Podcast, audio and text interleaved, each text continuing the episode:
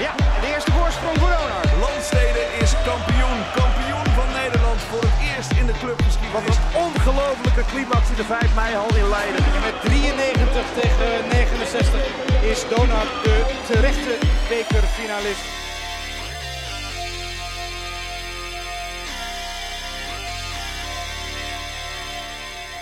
Welkom bij DBL on Sunday, de podcast die iedere week de Dutch Basketball League bespreekt. Dit is seizoen 1, aflevering 12. En er staat eindelijk weer een DBL weekend voor de deur. Genoeg dus voor mij, Wouter van der Made en mijn co-host Elliot Cox, helemaal vanuit de Verenigde Staten, om te bespreken. En dat gaan we dan ook maar meteen doen. Maar allereerst, hoi Elliot, Eh, hoe is 2021 tot nu toe voor jou? Oh, well, uh, the, the to say that 2021 has already become interesting in the States is a little bit of an understatement. but, uh, Ja, uh, but personally, I'm doing fine. mooi. Gelukkig maken we ook geen eh, politieke podcast wat dat betreft, want we hebben het natuurlijk over de bestorming van het Capitool. Thank goodness. Ja, ik heb me gisteren voor het eerst laten testen op eh, corona. Eh, dat heb ik nog nooit eerder gedaan. How did that go? Dat was een interessante ervaring. Ehm, want ik werd wakker en ik dacht van nou, dit zijn toch wel echt verkoudheidsklachten. Dan ga je naar de website en dan doe je zo'n testje. En dan blijkt dat je dat toch echt wel moet laten testen. En dat je die kant op moet komen. En dat kon eigenlijk al een uur later. eh, Naar de IJsselhallen hier in Zwolle. Dat is eh, bij mij om de hoek. En ik dacht, ja, zo'n groot eh, testcentrum. Daar zullen ook best wel wat mensen zijn. Eh, helemaal eh, in de maand januari, februari, waarin toch wel meer mensen verkouden zijn volgens mij. Maar ik was de enige. Er werkten ook maar drie mensen. Er was één iemand die eh, de begroetingen deed. En er waren twee mensen die uiteindelijk gaan testen. En je gaat op zo'n stoel zitten en je krijgt een wattenstaafje in je neus. En dat viel mij eigenlijk allemaal hartstikke mee. Ehm, en daarna was ik klaar, kon ik naar huis fietsen. En al een uur later had ik de uitslag in, ehm, in mijn Digi-ID staan. En die was negatief, dus dat is eh, goed nieuws. Maar het was dus een interessante ervaring. Het is ook iets wat nu dus de DBL en de WBL-teams twee keer in de week moeten doen. Ehm, dus ja, een beetje eh, kijken hoe dat dan allemaal gaat natuurlijk. En ehm, het is mooi, dan heb ik in ieder geval een negatieve uitslag. Ik ga voorlopig ook nergens heen, dus dan ga ik met een gerust hart dit weekend naar, eh, naar een aantal basketbalwedstrijden toe. Want dat is weer mogelijk, want dit weekend gaan we weer beginnen. Supergoed nieuws natuurlijk. Eh, dat gaan we deze aflevering ook allemaal bespreken, eh, Elliot. Ehm, het is een eh, wat langere aflevering, denk ik, dan normaal. Ik denk dat we ruim over de tijd heen gaan, maar het is natuurlijk een uitgebreide ja, voorbeschouwing op dit seizoen. met natuurlijk ook al kijkend naar de wedstrijd van, van afgelopen zondag. De eerste officiële competitiewedstrijd tussen Groningen en Zwolle. En daar gaan we het over hebben in het eerste kwart. En voor de rest gaan we alle teams in kwart 2 en 3 nog even bij langs. En in kwart 4 gaan we het hebben over de streamingsdiensten. Dat staat op het programma voor deze aflevering. Laten we dan ook snel doorgaan naar het eerste kwart. Zondag 10 januari was de allereerste Dutch Basketball League wedstrijd van het seizoen. We kennen het inmiddels. Alle resultaten van eh, begin oktober die zijn gewist. We beginnen met een schone lei. Ieder team gaat één keer tegen elkaar spelen. Dat kan een uit- of een thuiswedstrijd zijn. En Donar speelde dus de allereerste wedstrijd thuis in Martini Plaza met kartonnen fans in de stands eh, tegen de Landstede Hammers. Het werd uiteindelijk 82-55. Donar won dus makkelijk van de regerend landskampioen. Maar Elliot, wat zegt deze score precies? Um, I, I think the score doesn't really tell the whole story because people are going to look at this and think that it was a complete blowout. It's not really the case.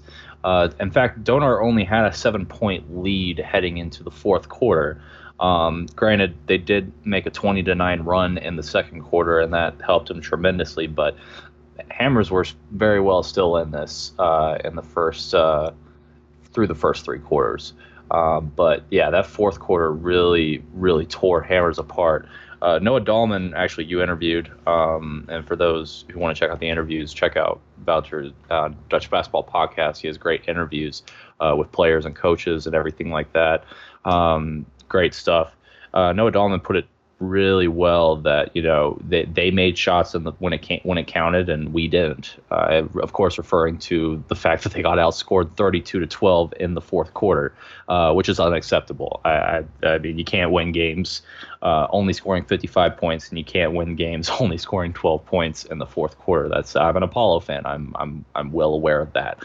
Uh, it's just, um, uh, but you know, I I have to give all the credit to to to Donar in this one because uh, Ivan Rudez really came into this game. Uh, I, I think angry is, a, is, an, is an appropriate word. Oh ja, dat denk ik ook. Want hij had het ook totaal niet over dit uh, feit nogmaals in mijn interview uh, na deze wedstrijd met hem.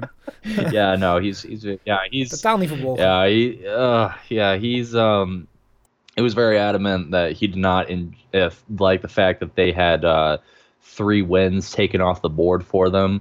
Uh, which I mean, I understand. I would be very disappointed if that was the case too. Um, but uh, they they really haven't skipped a beat. I mean, they looked impressive throughout the preseason. Uh, they carried that momentum into this game. Uh, they had three players in double digits. Uh, Henry Caruso, 18 points, eight rebounds, fantastic performance. Jackson adding 18 as well, uh, with three rebounds and three assists. And then, of course, uh, Devonta Lacey uh, with 15 points as well.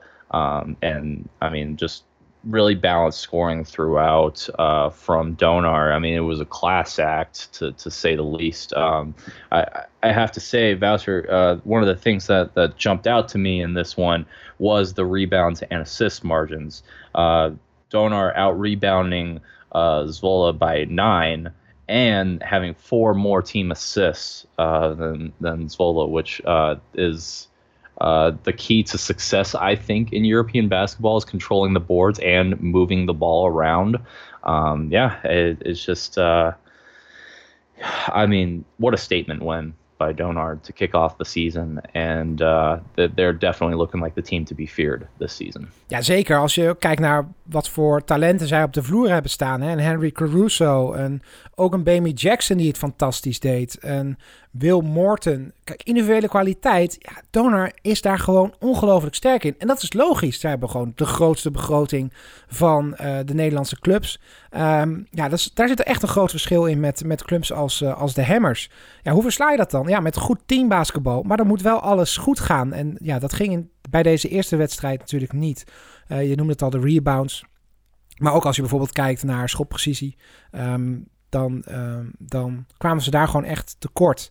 Um, dus ja, maar goed, nogmaals, dat is logisch. Um, uh, nog een toevoeging. Donar wist natuurlijk al dat ze 10 januari zouden spelen. Dat was eigenlijk de bekerfinale tegen Ares. Daar bedankte Ares voor. Dat, was, uh, dat kwam te vroeg. Al speelden ze wel een oefenwedstrijd tegen Leiden nog diezelfde dag. Maar ja, de Landse Hammers die gingen akkoord om tegen Donar te spelen op de tiende. Um, ik sprak met Herman van de Belt, uh, de, de coach van de Landstede Hermers na de wedstrijd. Die zei dat het niet per se een overweging was vanuit uh, sportief oogpunt. Maar meer omdat je voor nationale televisie kan spelen. Het is een goede reclame voor je club. Het is een goede reclame voor de sport. Ik denk dat de, uh, de shirt sponsors van Landsteden het ook niet heel erg vonden dat zij op nationale televisie te zien waren. Ja, en um, um, ja, wat ik zeg, het is goed voor de exposure. En ja, dan ben je misschien een week, uh, week vroeger en had je misschien nog een week langer willen trainen, kunnen trainen. Om zo goed mogelijk aan die competitie te beginnen. Aan de andere kant, Zwolle en Donor zijn twee teams die geen spelers kwijtgeraakt zijn. Uh, bij Groningen miste Juan James en uh, Shea de Toenji vanwege blessure. Bij de Landstede Hermers nog steeds Kevin Bleker. Voor de rest niemand naar huis gegaan vanwege uh, corona-achtige redenen. Zoals we dat wel zagen bijvoorbeeld bij, bij Ades. Um, ook geen blessures. Um, spelers die, uh, die er langer over doen dan dat verwacht werd om terug te keren, zoals bij Heroes den Bos. Ja, dit zijn gewoon de twee grotere teams um, die uh, eigenlijk ongeschonden door de coronacrisis zijn uh, gekomen als het gaat om, uh, om de, het intact blijven van hun team. En ja, dan is het gewoon logisch dat deze twee teams tegen elkaar spelen. En ik ben ook blij dat ze dat gedaan hebben. Um, maar Eilert, wat denk jij dan nu? Is dan Zwolle toch... Um, komt Zwolle dan toch tekort om aan te sluiten bij de grote teams? Of kunnen zij nog wel wat potten breken dit seizoen? I, don't think so. I mean, I, I think we, we all know going into the season that Herman Van der Belt, you know, he's a great coach, but if there's one thing that that's a big question mark for him in his coaching record, it's that he he struggles to close out games sometimes, especially in the big games against like Donar. Um, but I, I, don't think so. They're still a strong looking team. They're going to learn a lot from this. Uh, you know, I, they, they only had, like I said, they only had 10 total team assists, which is not going to be, like you said, when the other team has superior talent, the way that you beat them is through organized team play, sharing the ball. they weren't able to do that. They were not able to get quality looks. I mean, just shooting 34, just shy of 34% from the field, which is not a recipe for success. Um, I, yeah, I think that they're going to learn a lot from this, and I give all the props to Hammers. They they they clearly were not comfortable playing a week ahead, but instead of denying that and denying that exposure for the Dutch Basketball League, they said, no, we're, we're going to play on national television. We're going to do this for the league. And I give all the props to them. Um, and so they were still a little rusty. Uh, they only played, I think, two preseason games, and it kind of showed. Um, but that being said, the fact that they stuck around for three quarters uh, is still impressive to me. Defense certainly was showing to be strong pri- up until the fourth quarter. That is, um, they they still look like a strong team. Uh, no question to me that they make Elite A. Um, I I wouldn't panic if I'm a Hammers fan because you know this is this is clearly the first game of the season back for the restart. Uh, eh, eh, they'll be fine. Ja, zeker. En als je ook kijkt naar de spelers bij, bij Lance de Hermers, Noah Daalman, die een aantal layups niet ingooide die hij normaal gesproken wel zou maken. Uh, Kyle Lok nog niet mm. helemaal op scherp. Dus daar zit ook nog zeker uh, ruimte voor verbetering, wat ook vast en zeker zal exact. komen. Um, dan nog eentje, Elliot. Jozo Radels aan de kant van Zwolle. Uh, de meest verbeterde speler sinds uh, de lockdown. Oh, absolutely. I, I, I thought he, he played some big minutes and I'm, I'm I'm looking forward to seeing his continued development over the course of the season. Um, I, I mean, obviously, you know, Hammers struggled down the road on the fourth quarter, and and that was a team wide struggle. But uh, I really liked uh, Rados and the, and the minutes that he put in. Uh, I think he'll uh, I think he'll continue to develop as the season progresses, and uh, he should be one to watch once we get to the elite A and B stages. Um, that he'll probably be one of those key depth pieces once uh, injuries start hitting. Zeker, maar ik denk dat we van beide teams wel kunnen verwachten dat ze hoog eindigen in um, de Elite A-kwalificatie aan het eind van uh, dit eerste gedeelte van um, de competitie. Um, ja, Donar denk ik dan toch wel op de eerste plek. Um, ze staan er al direct. En als je kijkt naar wat voor wedstrijden zij moeten spelen. Ze hebben nu de Landsteden Hammers gehad. Of moeten straks Leiden. Gaan nog naar Joost United. Europees mm. basketbal. Dan komt Den Bosch. De grote wedstrijden zitten al vrij aan het begin van dit seizoen. Zullen denk ik ook wel um, uit gaan maken wat de onderlinge verhouding zullen zijn na, die eerste, um, na dat eerste gedeelte van de competitie. Um, dus ja, er staan heel veel grote wedstrijden al op de agenda. En dan uh, lijkt uh, Donar helemaal uh, ja, de, de diepte te hebben in, in de selectie om dat, uh, dat goed aan te pakken. Tijd is om verder te gaan naar kwart 2 en kwart 3. Daarin gaan wij de rest van de 10 teams bespreken die we nog niet hebben besproken.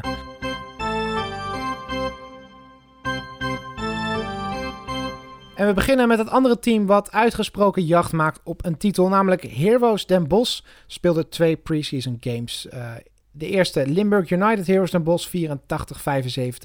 En de tweede Heroes Den Bosch Joost United. Een krappe overwinning van Heroes 77-75. Maar desalniettemin een verrassende wedstrijd, want Joost United is een van de nieuwe teams in de Dutch Basketball League. Aan de andere kant ook wat veranderingen in de selectie van Heroes ten Bos. Uh, een paar pechgevalletjes. Eerste bijvoorbeeld dat uh, Morgan Stilma is uitgevallen met een blessure en ook uh, niet heel snel weer terug zou keren. Daarvoor is Alan Hurdon aangetrokken als zijn vervanger. En ook hebben ze zich versterkt met Dominic Gilbert. Uh, hij is niet per se een vervanger, maar het is wel handig om hem erbij te hebben. Want Scott Thomas, die Amerikaan, die nog steeds niet in Den Bosch is, omdat hij uh, een breuk had opgelopen in zijn voet en daarvan herstelde in Amerika. Die is voor 16 januari nog niet in Nederland, meldt de club. Dus Dominic Gilbert is een um, welkome versterking. En nog beter nieuws zelfs, Henk Norel sluit zich weer aan bij Heroes Den Bosch. Hij stopte vanwege problemen met zijn knie, maar um, is toch weer op zijn weg terug. Um, hij heeft uh, doorgetraind, zegt hij zelf op de website van Heroes ten Bos. En um, ze hebben toch maar weer gekeken of het mogelijk is. Dat blijkt, uh, dat blijkt ook zo te zijn. En is zeker voor dit seizoen nog een, een mooie aanwinst. En het lijkt me ook fijn dat je als speler, um, ook uh, helemaal in de tijden van lockdown, die ook nog eens drie weken verlengd is, dat je gewoon weer mee kan ballen bij de Dutch Basketball League. en zeker een, een legende als Henk Norrell is dat natuurlijk alles gegund. Lang verhaal, Elliot. Maar hoe kijk jij naar uh, deze ontwikkelingen bij Heroes Den Bos? Uh, typical heroes for be- for better or worse. Uh, they always seem to to want to add new players, and that's their response to trying to add, to compete with Donar. And I mean, don't get me wrong, they make talented additions, and I'm I'm all for that because I think that that's that's a good start. Um, but you know, I mean, you clearly make an indication with these signings, uh, especially someone like Alan Herdon who has like G League experience uh, that you're trying to compete with Donar in terms of the talent, and that's fine. I, I think that's awesome, and I think they're going to be great additions. But um, that's not really the question mark for me for Heroes. The question mark uh, has been what it always has been for us with Heroes, and that's the coaching. Uh, you know, they the if you look at their preseason results, I mean, don't get me wrong, Limburg is not a low tier Belgian club, but they are a mid tier Belgian club, and a mid tier Belgian club beating our high tier Dutch club does give you some concerns for the upcoming Benel League. Uh, and then Yosh United, and we'll get into them because they're a fantastic club. But uh, I, I, mean, I, I, think you can agree with me, Voucher. They should have won that game. Um, I, I, just, I don't, I, I know that Heroes needs to win a championship. Uh, this is a this is a big big year for their coach. Uh, Jean-Marc Jamin, you know, he's trying to keep to stay off the hot seat uh, after several disappointing seasons by hero standards. Uh, but he I have not seen what I needed to see from Heroes in terms of the right adjustments on the court. Uh, they just seem to be trying to be making moves uh, to to to keep up with Donar, but I think that's not really the issue to begin with because they have a great core to begin with with Jacori Payne, uh, Mihal Lapornik, and Demario Mayfield. Uh, they they narrowly lost to to to Donar in the first season by one point, uh, and they dominated most of that game. They just blew it in the end. Um, it's an interesting uh, interesting approach. I'm, I'm interested to see how they adjust the minutes. to, to say the least, this is going to be interesting. I, I kind of get worried when a team leans too hard into the transfers because it takes minutes away from Dutch players, uh, which of course is the purpose of the domestic leagues is to develop your domestic talent uh, against high quality competition. But they can't really do that if all the minutes are going to uh, you know people from out of the country. Um, it's interesting. I mean, I, I still think they're an elite A team. Don't don't get me wrong. It's just uh, they're question mark.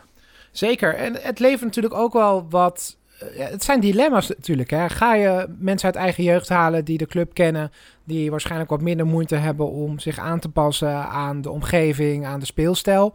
Of ga je talent van het buitenland halen wat individueel misschien beter is, maar wel moet wennen en de vraag is dan of die kan wennen. Uh, we hebben het net niet genoemd, maar Justin Watts gaat alsnog naar Donar. Wisselende resultaten had hij bij, bij Heroes. Gaat dat echt een toevoeging zijn voor Donar? Of kunnen ze toch maar betere minuten geven aan jeugdspelers als, uh, als uh, nou ja, Nesta mm Akasi en, en Kjeld Zuidema die we hebben gezien tegen de Hammers? Dat zijn afwegingen. Um, dat zijn ook risico's. Want hoe meer nieuwe teams je bij het team, hoe, hoe, meer nieuwe spelers je bij het team gooit, um, hoe zwakker je in dat geval bent, omdat die eerst nog moeten wennen aan, de, aan, aan, aan het team. Uh, dat is voor Heroes natuurlijk een, een, risico. Het zijn ook dingen die ze eerder uh, tegen hebben gezeten. Aan de andere kant hebben ze weinig keus. Morgen Stilma is lang uh, uitgeschakeld. Daar moet je gewoon een vervanger voor halen. Um, uh, ook Scott Thomas nog steeds niet bij het team aangesloten. Ja, of je nou op hem wacht of er nog een extra speler bij aan laat sluiten, dat is ook niet. Uh, dat maakt ook niet zo heel veel uit. Ja, en het feit dat je Henk Norel terug kan halen, die het team kent, die de coach kent, die weet wat van hem verwacht wordt. Ja, dat is natuurlijk een hele, hele, hele mooie um, uitkomst voor Heroes. Um, dus ik denk niet dat ze er zo slecht voor staan. Aan de andere kant is natuurlijk nog wel steeds het argument, en dat zie je ook wel uh, op social media, dat mensen zeggen van ja, geef die plekken nou aan Nederlandse talenten. Daar kan ik wel inkomen. Uh, je ziet dat dat bij andere teams uh, zoals Apollo wel gebeurt. Maar aan de andere kant, we bespreken Donar en Heroes niet, uh, niet voor niks aan het begin. Dat zijn de twee teams die echt mm -hmm. uitgesproken ambities hebben voor de titel. Ja, en je speelt FIBA Eurocup, ja, dan snap ik dat je op dit moment even voor kwaliteit gaat. En we hebben het vaker besproken dat uh, de talentontwikkeling bij deze twee clubs uh, uh, wat minder is van Nederlandse talenten dan, hè, dan dat we ja. misschien zouden verwachten of willen van zo'n club. Aan de nou. andere kant is het ook logisch, want het zijn gewoon de grootste clubs van Nederland die willen resultaten halen. Um, um, ja, dus dat is dubbel, maar ik snap het wel eigenlijk. Uh, hoe, kijk, uh, hoe kijk jij er tegenaan? Is dit uh, echt voor prestatie? Um, levert dit minder minuten op voor Nederlandse talenten? Wat, wat denk jij? Uh, it could be a little bit of both. Uh, you know, obviously, you know, adding a talent is going to help you with your title chances. Um, and we are expecting a wave of injuries. If if any of the other restarts across Europe in terms of their basketball leagues have been any indication, um, especially with a limited preseason, you can expect some injuries to happen. And if for teams that want to make deep playoff runs like Heroes, uh, they have to be prepared for that. So if you look at it from that sense, then the moves make sense because uh, obviously, Henk Norell knows the system well. He's going to be a great mentor to the young Dutch players. Uh, so that move makes all the sense to me, uh, especially while they wait for Alan Herdun to uh, get his permitting worked out. Uh, Dominic Gilbert is another talented addition, and he will be more than capable of making up for any potential injuries. Uh, you know, heaven forbid that you know you lose to Corey Payne or Mihal Lapornik or any of those valuable players, but um, they, they, he could be uh, there to make sure that the depth is there uh, necessary to at least get them through the elite stages um, before the playoffs. So I, I could see these moves working out, especially because the DBL restart has so many two games a week systems. Um, this is going to be quite the strain on some of the players. So I could see a lot of clubs trying to prepare for that and prepare for um, trying to manage minutes appropriately so that they can keep players as healthy as possible. Ja, precies. Uh, dat is ook een heel belangrijk punt. Want coronagevallen zullen wellicht ook invloed gaan hebben op de competitie en op de teams. Pas bij een paar gevallen wordt de wedstrijd verplaatst. Mm. Maar anders dan moet je daar gewoon vervangingen uh, voor in je team zetten. Nou zie je al een aantal uh, teams die hebben extra jeugdspelers op de lijst gezet, zodat het papierwerk allemaal wat makkelijker is om die ja. op te roepen voor het DBL-team. Mochten er spelers uitvallen omdat zij of positief getest zijn of dat, uh, dat zij verdacht worden van een besmetting. Ja, vooral dat laatste hm. criterium zorgt er niet voor dat een wedstrijd verplaatst kan worden. Uh, maar je moet ze nog wel steeds vervangen. Dus je ziet dat, uh, dat clubs zich daar overal uh, aan het voorbereiden zijn. Niet alleen de grote teams, maar ook de kleinere teams. Ik noemde net al het voorbeeld van Apollo, komen we straks op. Um, maar goed, ja, er zijn echt, de teams zijn echt bezig om hun selectie zo breed mogelijk te maken. Om zo goed mogelijk voor te voorbereid te zijn. Niet alleen op blessures, zoals je zegt, maar ook op, op mogelijke coronagevallen. Goed, um, uh, het hoofdstuk Heroes afsluiten voor deze aflevering. Uh, Elliot, wat verwacht jij van hun in deze eerste uh, helft van de reguliere competitie? I mean, they're they're still an Elite Eight team to me. I, I think at best they are second, going to finish second place in Elite Eight. At worst, probably third or fourth. Um, but I mean, no question to me, they're Elite Eight. Ja, zeker top 4, top 3 lijkt yeah, me toch? Exactly, exactly. Top. Um, dan gaan we naar het volgende team. Den Helder Suns. Zij speelden uh, samen met Donor de allereerste wedstrijd sinds de lockdown. Het eindigde voor de Suns met een verlies van 30 punten verschil. 94-64. Ze speelden daarna nog tegen de landsteden Hammers. Verloren daar met 106-80. En wonnen uiteindelijk de laatste preseason game van Feyenoord met 88-95 in Rotterdam dus. Um, ja, Elliot heeft Den Helder de meeste ontwikkeling laten zien in deze preseason? I, I think so. I mean, that's to be expected when you play the most games. Is that you're going to show plenty of progression. Den Helder Suns is a, really a major question mark to me this season because, on the one hand, I think they are a well built team. Uh, of course, you have a certified bucket and Boyd van der Verstevries, who is a talent, and I think that bigger clubs need to be looking at potentially getting him next season because is dat een voordeel of een nadeel? It depends, you know. I, I, they remind me so much of that of that 2016 to 17 Oklahoma City Thunder team when Russell Westbrook uh, was the ball dominant point guard for that team. On the one hand, yes, Russell Westbrook, what he did was amazing and set a triple double record. But on the one hand, they they didn't they didn't go far in the playoffs. They lost to they lost in the first round in five games uh, because they were just so offensively predictable. I, I, I don't know. I mean, on the one hand, don't get me wrong, Boyd is very talented, and I think if anybody can pull it off, it's him. But I, I mean, to teams' credits, he it, when you revolve around one player, it becomes so much easier to defend. Um, I think we saw that in the preseason game with Donar. You know, with limited uh, film work and everything like that, Donar really made their game plan. Okay, well, we know that one guy on this team is a certified scorer. Focus on Boyd, make other guys step up, and I mean the result was pretty obvious that it was uh, decisive. Uh, decisive Donar victory. Um, I, I, if they are going to take the next step, I think they have to address that depth issue. Now, don't get me wrong, getting players like Stan uh, Van de Elzen is a great start because he's a legit second option. Uh, but but what concerns me for this team is the bench uh, and their development. Um, I mean, granted, they have some valuable pieces. Ben Kovac has been showing positive strides, um, but I, I I don't know. I just the depth is really what concerns me about this team on whether or not they are an Elite A team or not. Ja, ik denk wel dat uh, de drie wedstrijden in het, uh, in het voorseizoen vrij belangrijk zijn. Um, want als je kijkt naar directe concurrenten, Feyenoord, um, uh, Leiden, um, misschien ook wel Aris, dan hebben zij wel heel wat roest al van zich af kunnen schudden wat de rest van die teams uh, eerst nog in de competitie moet doen. Kan het zo zijn, Elliot, dat juist door drie wedstrijden in het voorseizoen te spelen, zij um, zich extra hebben verzekerd uh, van een, een, grote kans op het halen van de Elite A?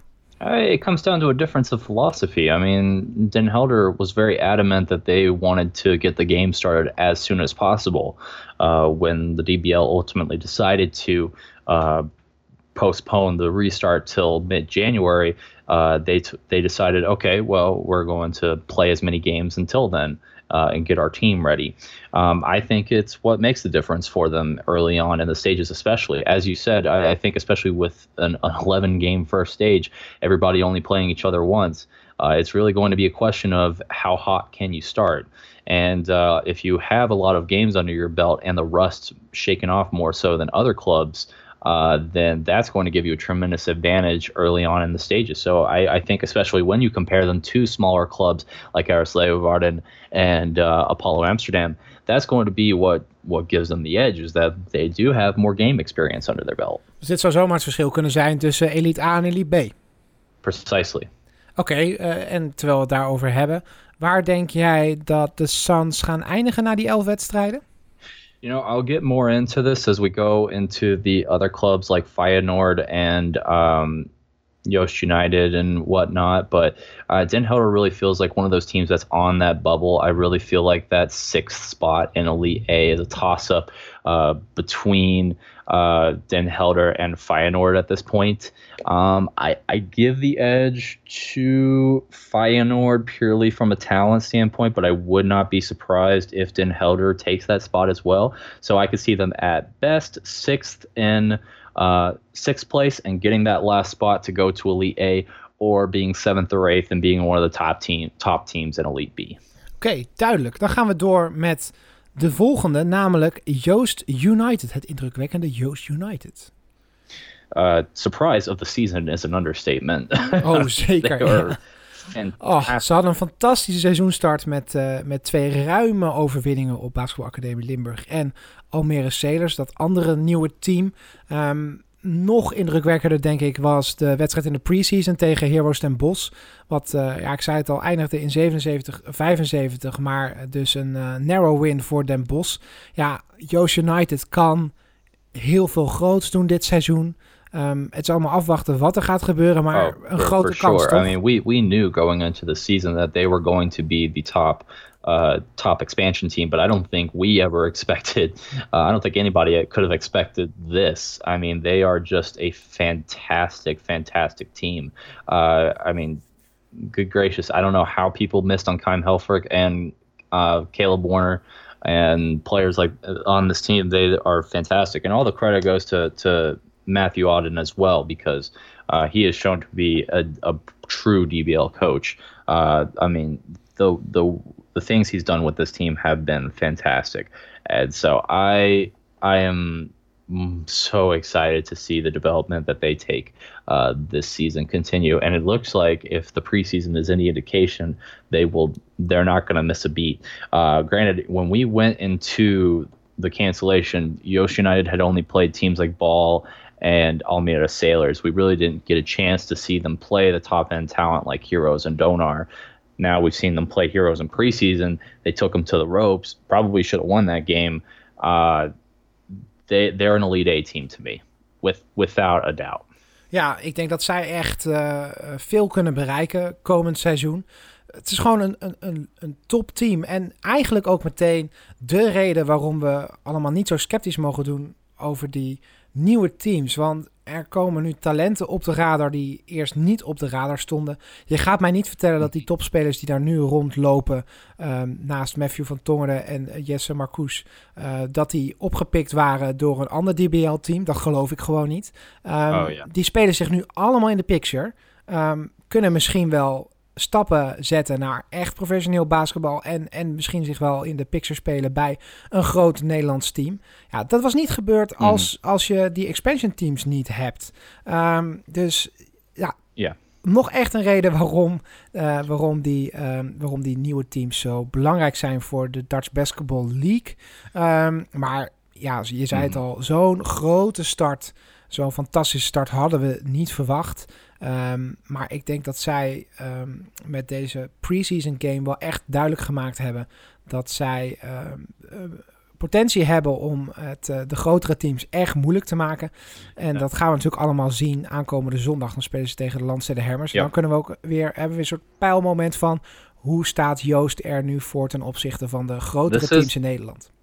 Yeah, this is the value of expansion. You're right, and I, I think this is why people need to be more be more kind to teams like Almira uh, and The Hague because players like Heim Helfrich, you know, they they made waves in the promo uh, in the promo league, but the, you know anybody can put up those numbers and they say, well, they're going up against amateur talent.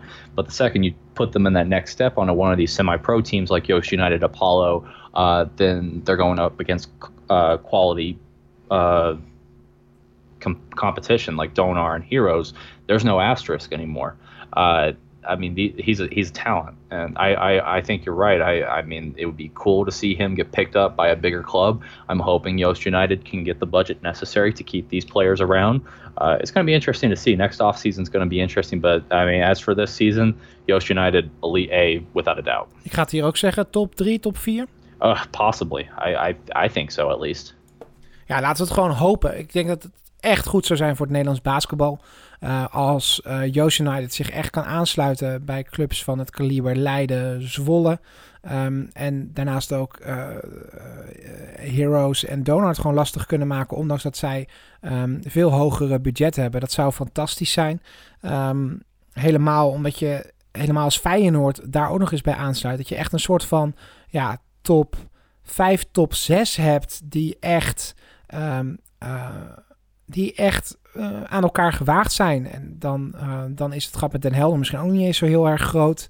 Uh, die doen ook hele mooie dingen met de middelen die ze hebben. Ja, als, als, je, als dat dan de, de, de Elite A van Nederland is, wat straks in de Gold Group gaat spelen in de Benelink. Ja, dat is, dan, dan worden het leuke wedstrijden met ook de, de Belgische teams. Uh, dan is het hopen dat aan de onderkant ook steeds meer stappen gezet kunnen worden.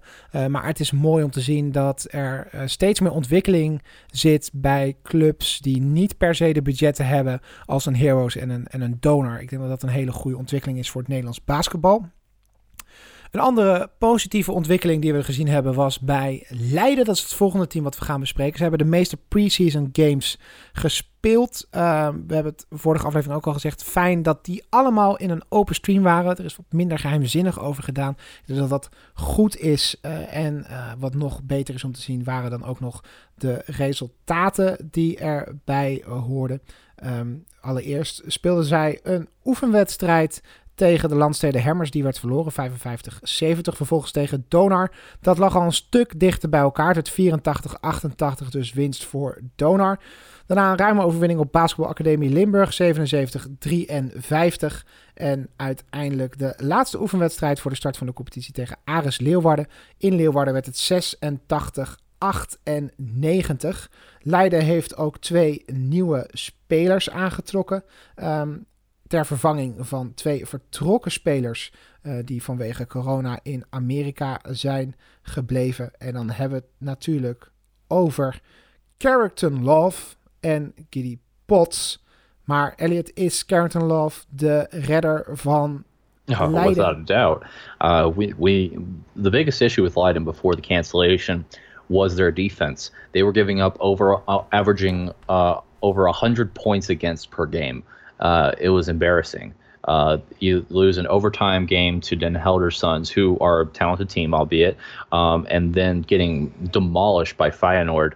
Uh, it, there were questions on whether they were an elite A team or not, and we were very sad about that because I, I know that we we were very negative about them, but uh, I I hope fans know that we didn't enjoy that. We we want Leiden to be good because they are one of the uh, core clubs of the DBL. They should be an elite A team. It seems that Carrington Love has brought this club back from the dead, and I, I couldn't be happier. He seems to be the missing piece um, that that has really fixed their defense and made their offense even more effic- uh, efficient. I still have questions about them defensively, um, but I mean, their offense has become so efficient at this point that they can almost make up for that. So uh, they have gone from being a fringe elite A team to a certified elite A team in my mind.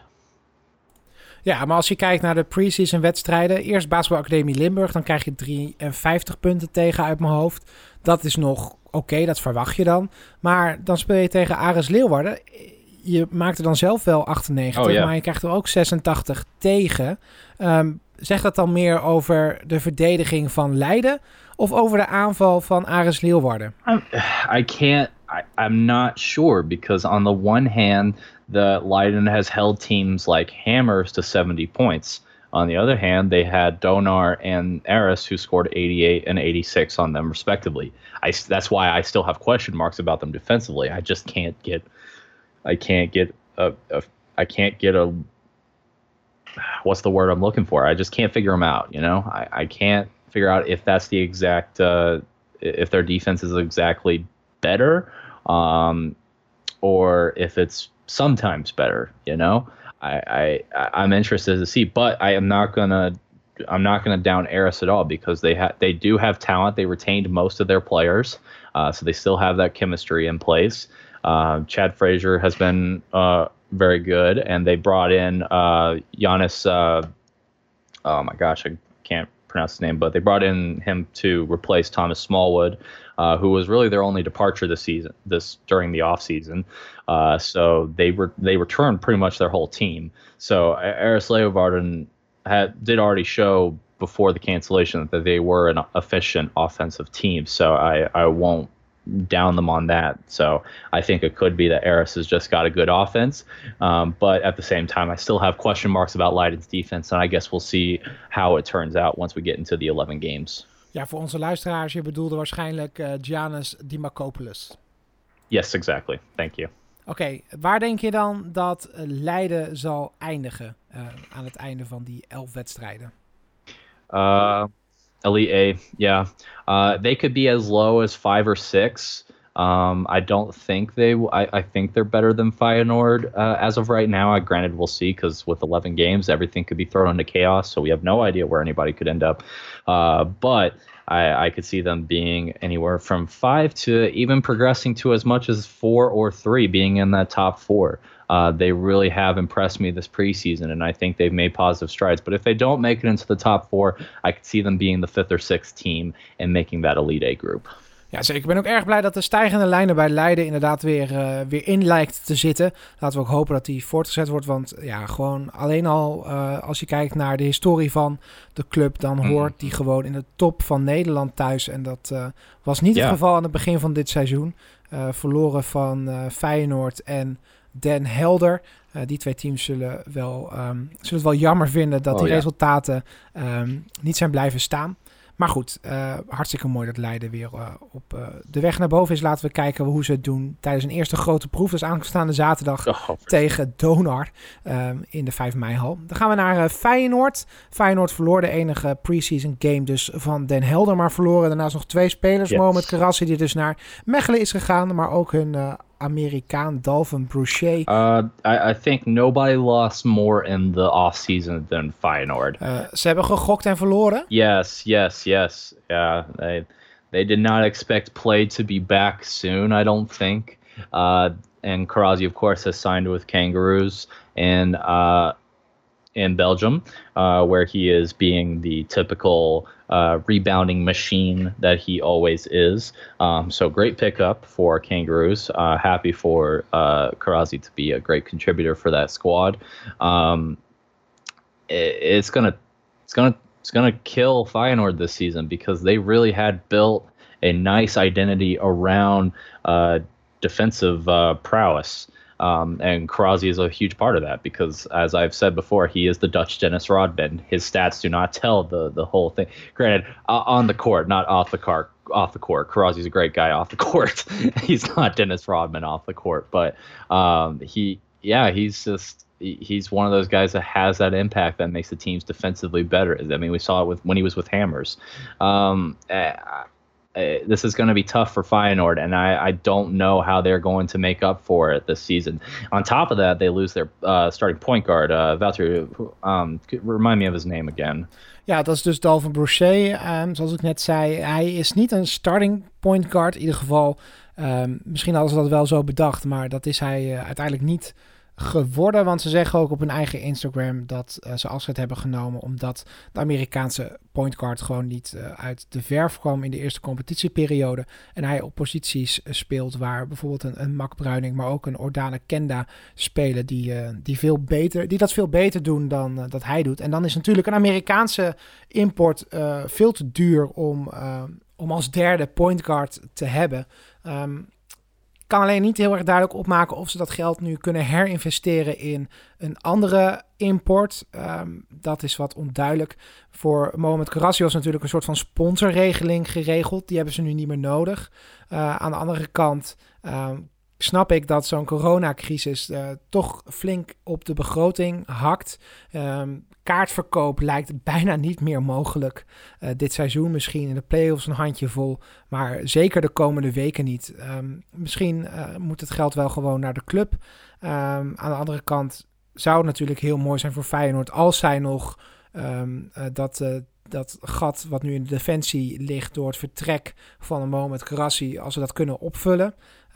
Maar goed, weet je, aan de andere kant is het ook mooi als zij um, de plekken laten aan bijvoorbeeld Nederlandse spelers.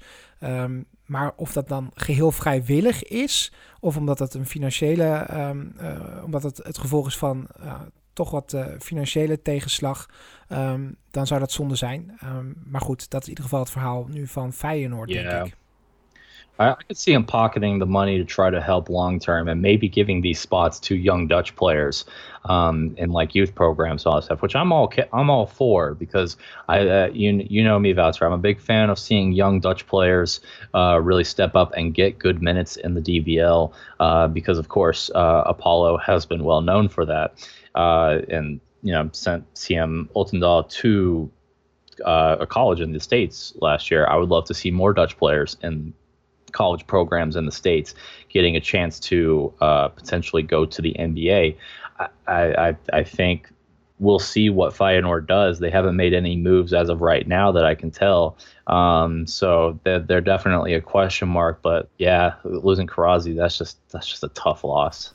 Ja, zeker. Ja, we gaan zien hoe ze daarmee omgaan. Zaterdag spelen ze tegen Apollo Amsterdam, net als uh, in oktober, hun eerste competitiewedstrijd. En gaan wij door naar het derde kwart. Dan gaan we de andere vijf teams die we nog moeten bespreken uit de Dutch Basketball League behandelen.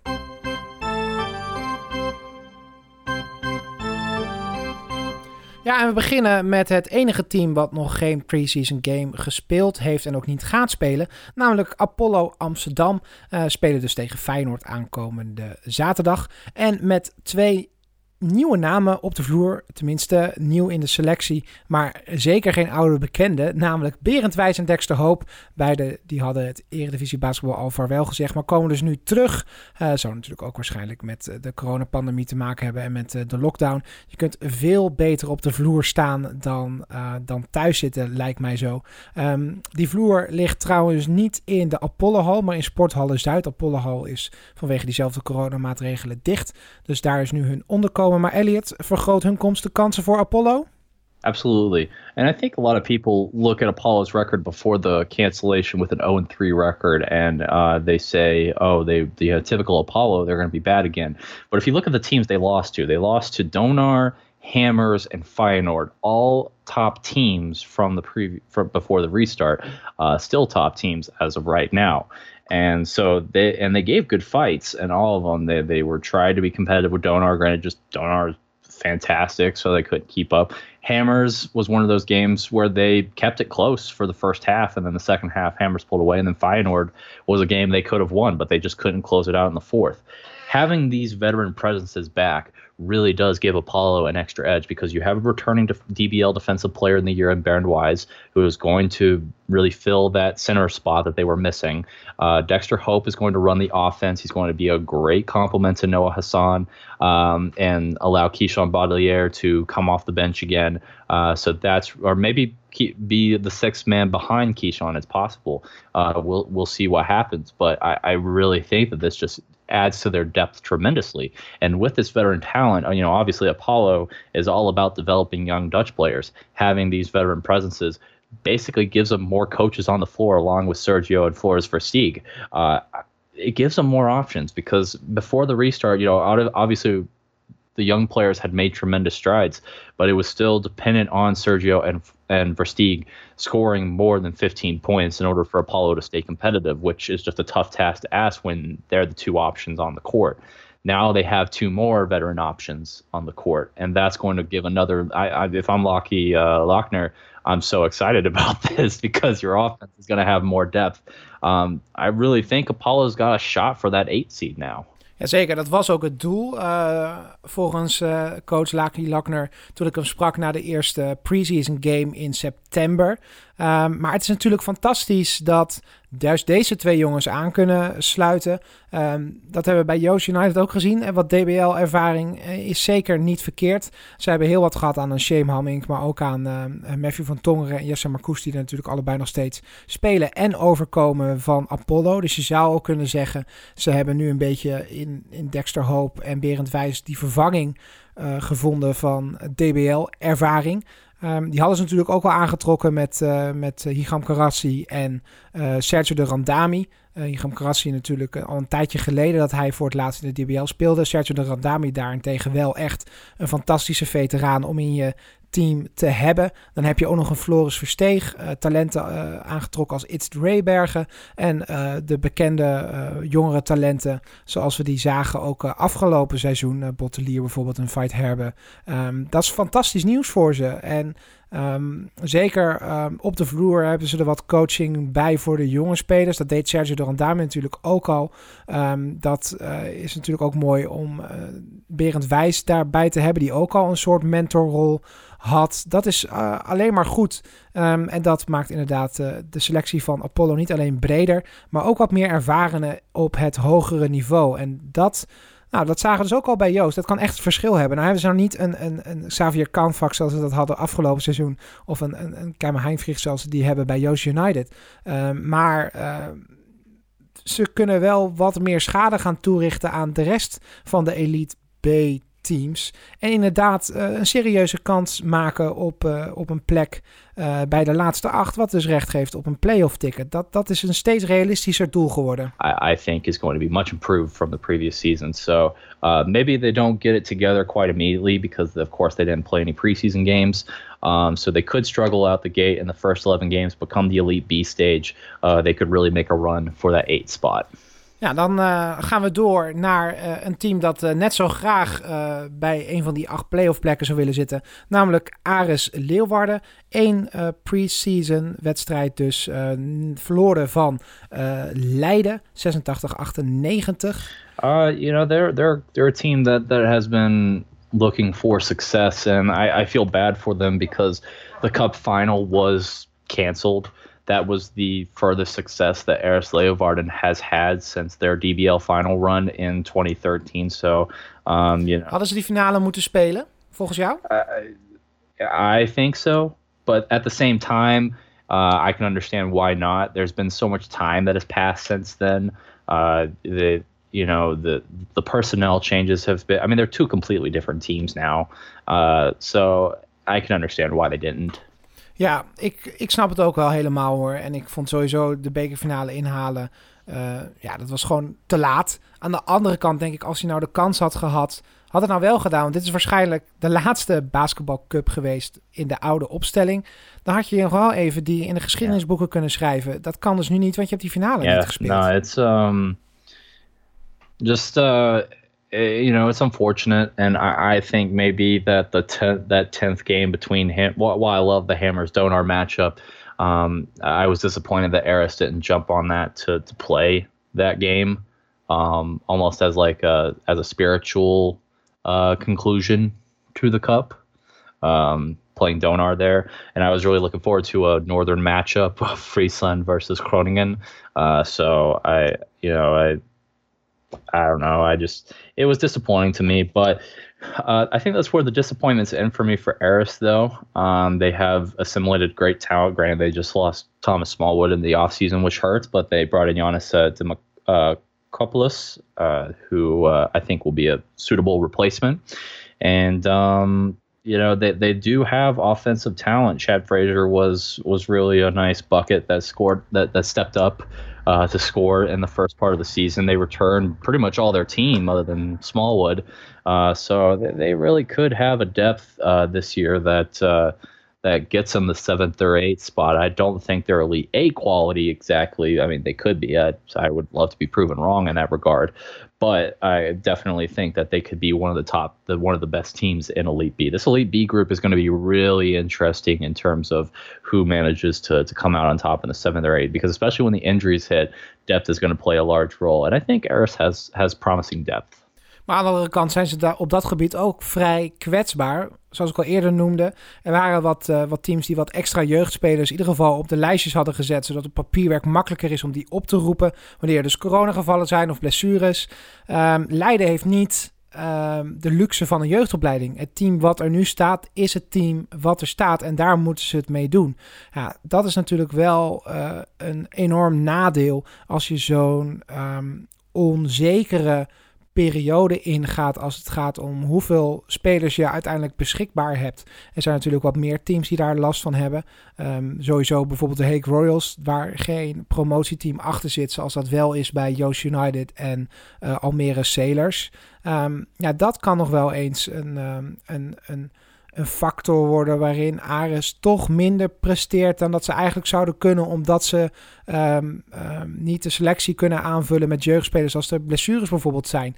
Uh, toch even weer terugdenkende aan vorig seizoen. Dat was natuurlijk ook niet het meest gelukkige seizoen voor Ares als het gaat om blessuregevallen.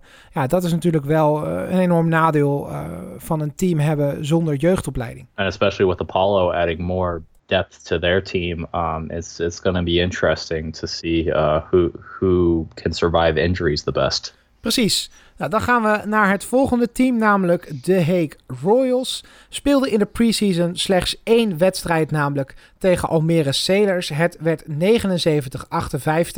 Um, ja, dat zegt ons helemaal niks. Want we weten namelijk helemaal niet hoe bijvoorbeeld Almere ervoor staat. Uh, omdat we geen referentiekader hebben met een ander team, wat we wel beter kennen. Uh, maar heel goed nieuws voor de Hague Royals is dit verlies natuurlijk niet. Ja, yeah, they're a question mark to say the least. Ja, precies. Want um, in oktober leek Almere nog veruit het minste team van de Dutch Basketball League.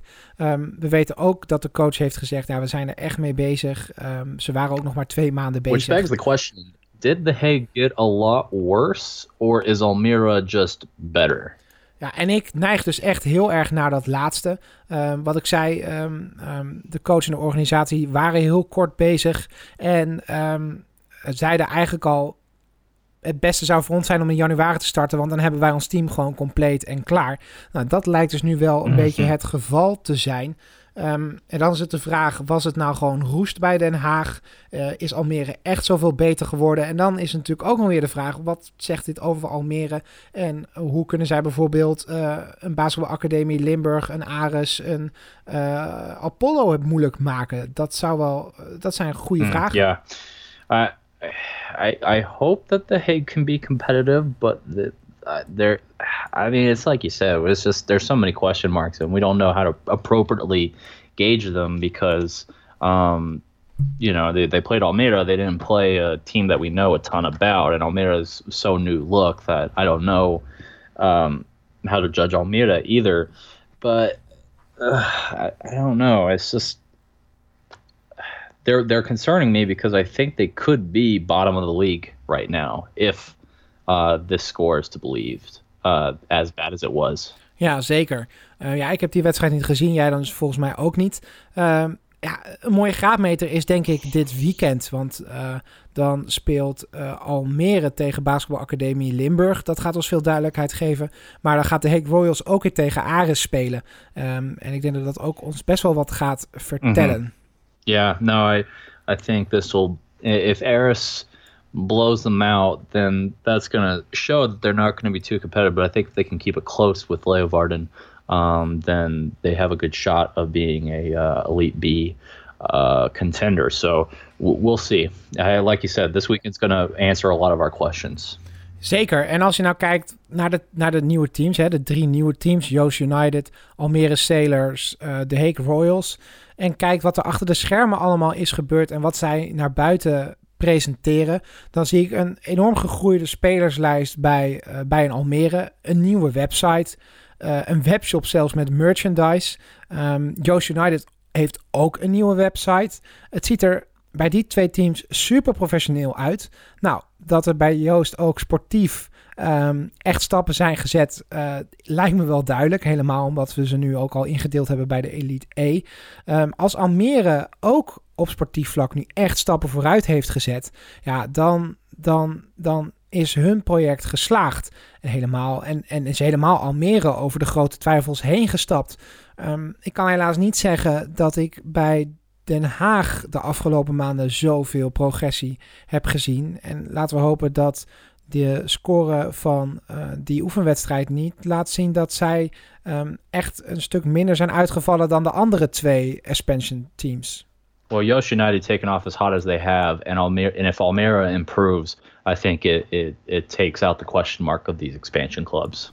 Ja, precies. Almere start dus uh, aanstaande zaterdag tegen Basketbalacademie Limburg. Ja, dat is het laatste team ook wat wij hier nu gaan behandelen. Wat vind je van ze, uh, Elliot? I was disappointed by their start last season. Granted, we only saw them in one game. They they were one and one because of that for that COVID forfeit from Leeuwarden. But now the slate's been cleaned. Uh, they still have the same roster, to my knowledge, although they did bring in uh, a new face. Um, I'm gonna pull it up here, and we'll just cut this together. Like this did not happen. You know, because I'm I should have been better prepared. Uh, I am letting people down right now. This is fun. Oh my gosh. Pull up the name. Why are you taking so long to load? Um, there we go. Sorry. Um, they, of course, brought in a new name, Bart Schild. Um, I don't know much about him, if I'm being honest. Um, I, he seems to be someone who plays, judging by the photo, seems to play a lot of three on three, uh, which, you know, that's worked before. I mean, Demio Vanderhorst was the go to guy for Apollo for a couple years, so uh, that could be promising. Um, we will see. I, I, I mean, it's it's ball that they specialize in bringing in young players that are relatively unknown, and they develop them. That I mean, they are basketball academy Limburg. So that's what they do. Uh, I, I expect them to come out of the gates pretty cold. Uh, they haven't played a lot of preseason, and even in the preseason game they did, they struggled against Leiden, um, who is a defensively questionable team, and only put up 53 points. So I, I hope that ball makes positive strides again because I, I, love the development that they made last season, uh, becoming uh, competitive for that sixth playoff spot last year. Uh, hopefully they can do the same this year, but they're just a tremendous question mark. They didn't play they, they didn't play too much preseason games and being such young talent, you know, they could come out the gate with struggling in these first 11 games, but then get it together in the elite B stage. It just it's it's it's going to be tough. I I have no idea how to judge them honestly. Nee, uh, ik ook niet. Um, vorig seizoen deden ze natuurlijk ontzettend goed. Um, maar uh, de eerste wedstrijd tegen Joost United was natuurlijk wel een heel groot verschil tussen hen en een compleet nieuw team. Um, nou weten we ook dat Joost United echt een goed team is. Um, maar veel zicht heb ik er eigenlijk ook nog niet op. Ik heb de wedstrijd met ZZ Leiden nog niet terug kunnen kijken. En uh, ik heb ook de wedstrijd tegen Joost United toen niet gezien. Um, yeah. Ik ben heel yeah. benieuwd. Uh, and I think part of that too, which I think we're going to touch on in the fourth quarter, we weren't able to watch ball play because of the paywall. Um, that they required on their stream last season. I, I, that's the only way I can watch these teams. They don't. None of them, other than Yost and Apollo, post uh, highlights uh, too often. Um, Donar and Heroes and Hammers do do post uh, highlights to their YouTube. Um, but yeah, no, it's still a question mark for me because I just I haven't watched this team play yet. Uh, whether that was before the cancellation or now, I just I don't know how to rate them, and it's tough for me when I can't watch their games. Zeker. Uh, maar in ieder geval laten we kijken hoe het allemaal gaat aanstaande zaterdag tegen Almere Sailors. Yep, exactly. Ja, Elliot noemde het net al, maar Icons, het streamingsplatform, gaat voor steeds meer teams uh, gebruikt worden als het gaat om pay-per-view. Al zeven teams hebben aangegeven dat zij uh, de fans geld gaan vragen om naar een stream te kijken. Seizoenskaarten en businessclubleden krijgen hier uiteraard een voucher voor. Um, de wedstrijden gaan 57 per stuk kosten. Feyenoord heeft al laten weten dat ze bij hun 5,50 gaan kosten. Um, ja, pay-per-view. Uh, de vervanging van het toegangskaartje. Elliot, wat vind jij ervan? No, I hate it. I hate it so much. And, and I will preface now, uh, obviously, clubs need to find a way to make up for lost revenue with the loss of ticket sales. Uh, we've seen these issues across uh, across everywhere in the world. Uh, the Belgian league is struggling to make up for revenue with the loss of ticket sales because that was their main source of revenue. But for me, with the DBL being an emerging league, it, it, hurts the accessibility because when you look at it this way, uh, the Belgian league has a pass um, for the season, which is about 39 euros, if I'm not mistaken. Is that right? Ja, ja volgens mij ook, ja. Yeah, yeah, 39 euros for the whole season, and that gives you access to all Belgian league teams uh, for you know Belgian league teams for across uh, uh, across the whole league. I mean, you watch every game possible. You, you get the whole subscription. Now, if you take into account the seven dollars fifty euros uh, price, uh, let's say that we do it just even by eight games, because you know three of the team you could play three teams that still have free streams. Um, you're looking at 60 euros just to follow your team for the first 11 games. That doesn't count the Elite Eight stages. Nee, zeker. Maar That stel je voor je bent supporter en je hebt een seizoenskaart, dan krijg je als je club eh, icons gebruikt en eh, je laat betalen voor een wedstrijd, krijg je natuurlijk een vou- voucher dat je die wedstrijden, die thuiswedstrijden in ieder geval kunt bekijken. Waar het probleem, denk ik, hier ligt, is niet zozeer dat er geld gevraagd wordt voor de streams. Want ik denk dat dat een logische ontwikkeling is. Helemaal als je naar een Benelink gaat, waarin sowieso een goede streamingsdienst opgezet moet worden. Eh, dat snap ik allemaal wel. Maar stel je nou voor, hè, je bent fan van Donor. Dat, dat, dat voorbeeld heb ik meerdere Donor-fans eh, al horen zeggen. Dus dat, dat kan ik mooi gebruiken. Je bent fan van Donor. Ehm, jij hebt het geluk dat je thuiswedstrijden eh, gratis worden gestreamd eh, door RTV Noord of Sport Noord. Datzelfde hebben ook Ares-fans. Ehm, dan zit je in ieder geval goed voor de thuiswedstrijden. Als je een seizoenskaart hebt, was het sowieso goed gekomen. Kijk, aanstaande zaterdag spelen zij in Leiden. En Leiden heeft icons en laat fans 7,50 betalen voor zo'n wedstrijd. Als donor supporter zou ik denken van, nou, dat zou ik nog wel doen. Ehm, dat zijn ook wedstrijden waar ook wel wat donor supporters naartoe zouden gaan. Die zouden sowieso een kaartje moeten kopen. Maar ik weet ook, en als je kijkt naar het begin van het seizoen, dat er ook heel veel fans zijn van donor die niet per se zitten te wachten op een, een wedstrijd van donor tegen een, een, een kleiner team. Ehm, en die misschien wel zouden kijken als de stream gratis was geweest, maar die niet gaan betalen voor, eh, voor, eh, voor een stream als die 7,50 kost. En stel je nou voor, je bent een meer geïnteresseerde basketbalfan die ehm, bijvoorbeeld ook naast Leiden Donard ook uh, bijvoorbeeld Joost United Zwolle wil zien, ehm, dan wordt zo'n weekendje opeens best wel duur. Um, terwijl, en zet je al gauw op een bedrag waar je dus in België gewoon een heel jaar alle wedstrijden voor kunt zien. Um, ik zou, denk ik, als DBL echt gaan kijken en om zo snel mogelijk om de tafel te gaan. Um, om te regelen dat je gewoon een abonnement kunt krijgen op de wedstrijden. Die, nou laat dat eens 10 euro per maand kosten. Dat is al meer dan in België, maar de kwaliteit van de streams is hier dan ook wel een stuk beter als je kijkt als bijvoorbeeld Almere uh, dezelfde kwaliteit zou leveren als dat ze deden, bijvoorbeeld tegen die wedstrijd tegen Joost United, dan zou ik wel echt denken, um, ja, hier wil ik echt wel voor betalen. Um, uh, veel wedstrijden zijn al multicam. Um, Den Helder deed bijvoorbeeld ook fantastische dingen met hun stream. Uh, kijk, als al die teams dat zo voorzetten met ook een, een pre-game show zoals een donor dat, dat doet, zoals een, een Zwolle dat gedaan heeft en Leiden het eigenlijk al jaren doet.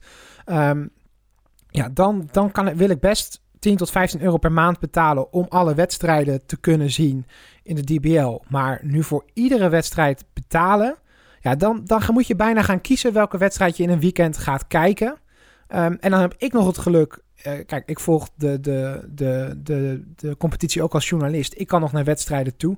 Um, ik, ik, hoop ook dat er iets geregeld wordt voor, voor journalisten. Want ik kan me ook voorstellen dat bijvoorbeeld een verslaggever van de krant in Zwolle um, niet uh, altijd naar Weert afreist om een artikel te maken over de wedstrijd tegen Basketbalacademie Limburg. Dat kan soms ook gewoon niet altijd. Um, dat er wel wat geregeld wordt voor de pers. Maar aan de andere kant, eh, de drempel wordt zo wel heel erg hoog voor mensen die misschien geïnteresseerd zijn in de, in de league uh, om naar een wedstrijd te kijken. Want uh, 57 of 10 euro betalen voor een kaartje en echt die ervaring hebben, dan word je vaak meegenomen door iemand. Dat, dat snap ik nog wel. Maar om 57 te betalen voor een stream. Uh, en je weet dat je dat de volgende keer en de keer daarna en de keer daarna ook weer moet doen. Ja, dat vind ik wel echt een, um, een gemis. Helemaal. En dat is een extra argument. Omdat je dus of een uit- of een thuiswedstrijd hebt. Dus je kunt dan wel een seizoenskaart hebben van, uh, van Zwolle. Maar als Zwolle meer uitwedstrijden heeft dan thuiswedstrijden. Uh, ja, allemaal hartstikke mooi. Maar die wedstrijden kun je niet zien. En als dat nou toevallig ook nog eens uh, uh, tegen bijvoorbeeld de, wat grotere tegenstanders zijn. Zoals een, een Zwolle en een Feyenoord. Die sowieso hun, hun stream betaald hebben. Ja, dat, dan wordt het wel heel ontoegankelijk inderdaad. Yeah, I know, and that's and that's really going to be the tough thing. And I've emailed the the Dutch Basketball League for a media online media pass so I can get access to the streams to watch the games. Uh, we'll see when they get back to me.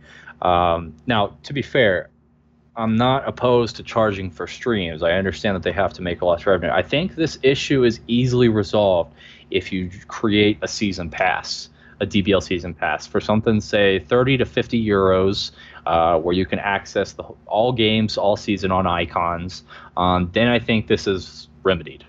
Zeker, en ik denk dat het ook zou helpen als um, clubs onderling met elkaar afspreken dat um, iemand die een seizoenskaart heeft bij een club sowieso alle wedstrijden van die club kan zien. Dus mocht Zwolle uitspelen tegen Leiden, dat uh, supporters met een seizoenskaart van Zwolle ook die wedstrijd gewoon kunnen kijken. Ik denk dat dat al heel veel zou helpen. En dan kijk, wij zijn algemene fans van de, van de, van de league. Daar zijn er ook wel uh, genoeg van. Maar er zijn meer fans die echt uh, fan zijn van een bepaalde club. En als je voor de garantie, als je voor de garantie kan zorgen dat alle seizoenskaarthouders alle wedstrijden kunnen zien van hun team. Ja, ik denk dat dat al een hele hoop oplost. Um, en dan denk ik wel dat er wel liefhebbers zijn die ook af en toe eens naar een topper willen kijken um, die niet van een club is. Dat bijvoorbeeld een Heroes supporter ook gewoon wel naar, naar Leiden donor wil kijken en daar best 7,50 voor wil betalen. Um, ik denk dat dat al een beter systeem is, maar het beste is natuurlijk om gewoon naar een algemeen abonnement te gaan waarmee je straks alle wedstrijden gewoon kunt zien. Of het nou per maand is of uh, zoals jij suggereert per seizoen of per jaar. Uh, dat maakt niet zoveel uit. Maar je moet zorgen dat supporters altijd toegang blijven houden tot de streams van de wedstrijden die zij, eh, van de clubs die zij supporten. Want anders dan ga je fans die, je, die, die, die er nu zijn, ehm, en dat zijn er bij iedere team, bij sommige teams niet heel veel, ga je inderdaad distancieren van de league. En dat is het aller, allerlaatste wat je moet doen, in, juist in deze periode. Want je wil dat al die mensen, plus misschien wel meer, allemaal terugkomen naar de zaal wanneer er wel weer met publiek gespeeld mag worden. Helemaal als straks de Benelux start. But I'm interested to see as the season progresses um, how the streaming numbers are affected uh, with the paywall. Ja, daar ben ik ook heel benieuwd naar. En dat uh, gaan we in de gaten houden. Uh, dat was het dan voor uh, kwart vier van de podcast. Dat betekent dat we er bijna doorheen zijn. Maar we gaan eerst natuurlijk ook even kijken naar de wedstrijden van dit weekend. Ja, want de wedstrijden van dit weekend zijn bijna allemaal op zaterdag. We beginnen met de wedstrijden van half acht. Almere Ceders tegen Basketbalacademie Limburg. Den Helder Suns tegen Heroes Den Bosch. En de Hague Royals tegen Ares Leeuwarden. Dan om kwart voor acht Feyenoord basketbal tegen Apollo Amsterdam. En om acht uur in Leiden Zorg en Zekerheid Leiden tegen Donar. En zondag om 4 uur Joost United tegen de Landsteden Hammers uit Zwolle. En Elliot, wij hadden altijd een, wedstrijd van de week. Die hebben wij straks nog steeds. Uh, dat is uh, de meest interessante wedstrijd in onze ogen. Die gingen wij extra lang bespreken. Dat gaan we um, voor uh, ja, de herstad gaan we dat ook steeds doen in kwart 1. En de rest van de wedstrijden dan in kwart 2. Um, maar eerst besloten we dat altijd zelf. Dat laten we nu ook door de luisteraars doen. Wij dragen allebei een wedstrijd van de week aan. En dan kunnen de luisteraars in de stories kiezen welke wedstrijd van de week wij gaan behandelen in het eerste kwart. Um, Elliot, wat is voor jou de wedstrijd van de week? Uh, no question for me. It's Sunday's slate. I mean, we got a good assortment of games this week. I, I think that Den Helder uh, Heroes is going to be a good matchup. Uh, of course, we've got Light and Donar. But for me, no question, Yoast United hosting Hammers is going to be a really big indication of whether Yoast is for real or not. Uh, because, of course, as they, they should have beat Heroes, but we can always put the asterisk there that it was a preseason game, but no longer. This is a real game. Uh, we're going to see if Yoast is legit an Elite A team. So I am very excited for uh, that game and to see what the development is. So that's no question my game of the week is seeing is Yoast hosting Hammers. Zeker, hartstikke leuke wedstrijd. Daar ga ik ook naartoe op zondag. Tenminste, dat hoop ik. Ik heb de aanvraag inmiddels ingediend. Wat ik zeker weet is dat ik uh, uh, zaterdag, morgen dus, naar um, Leiden Donar ga. Dat komt mooi uit, want ik wilde uh, sowieso ook naar een Women's Basketball League wedstrijd. Dus ik ga mooi om drie uur naar Den Helder Bemmel. En dan ga ik daarna door naar Leiden voor uh, de wedstrijd uh, Leiden Donar. En dat is dan ook mijn wedstrijd van de week.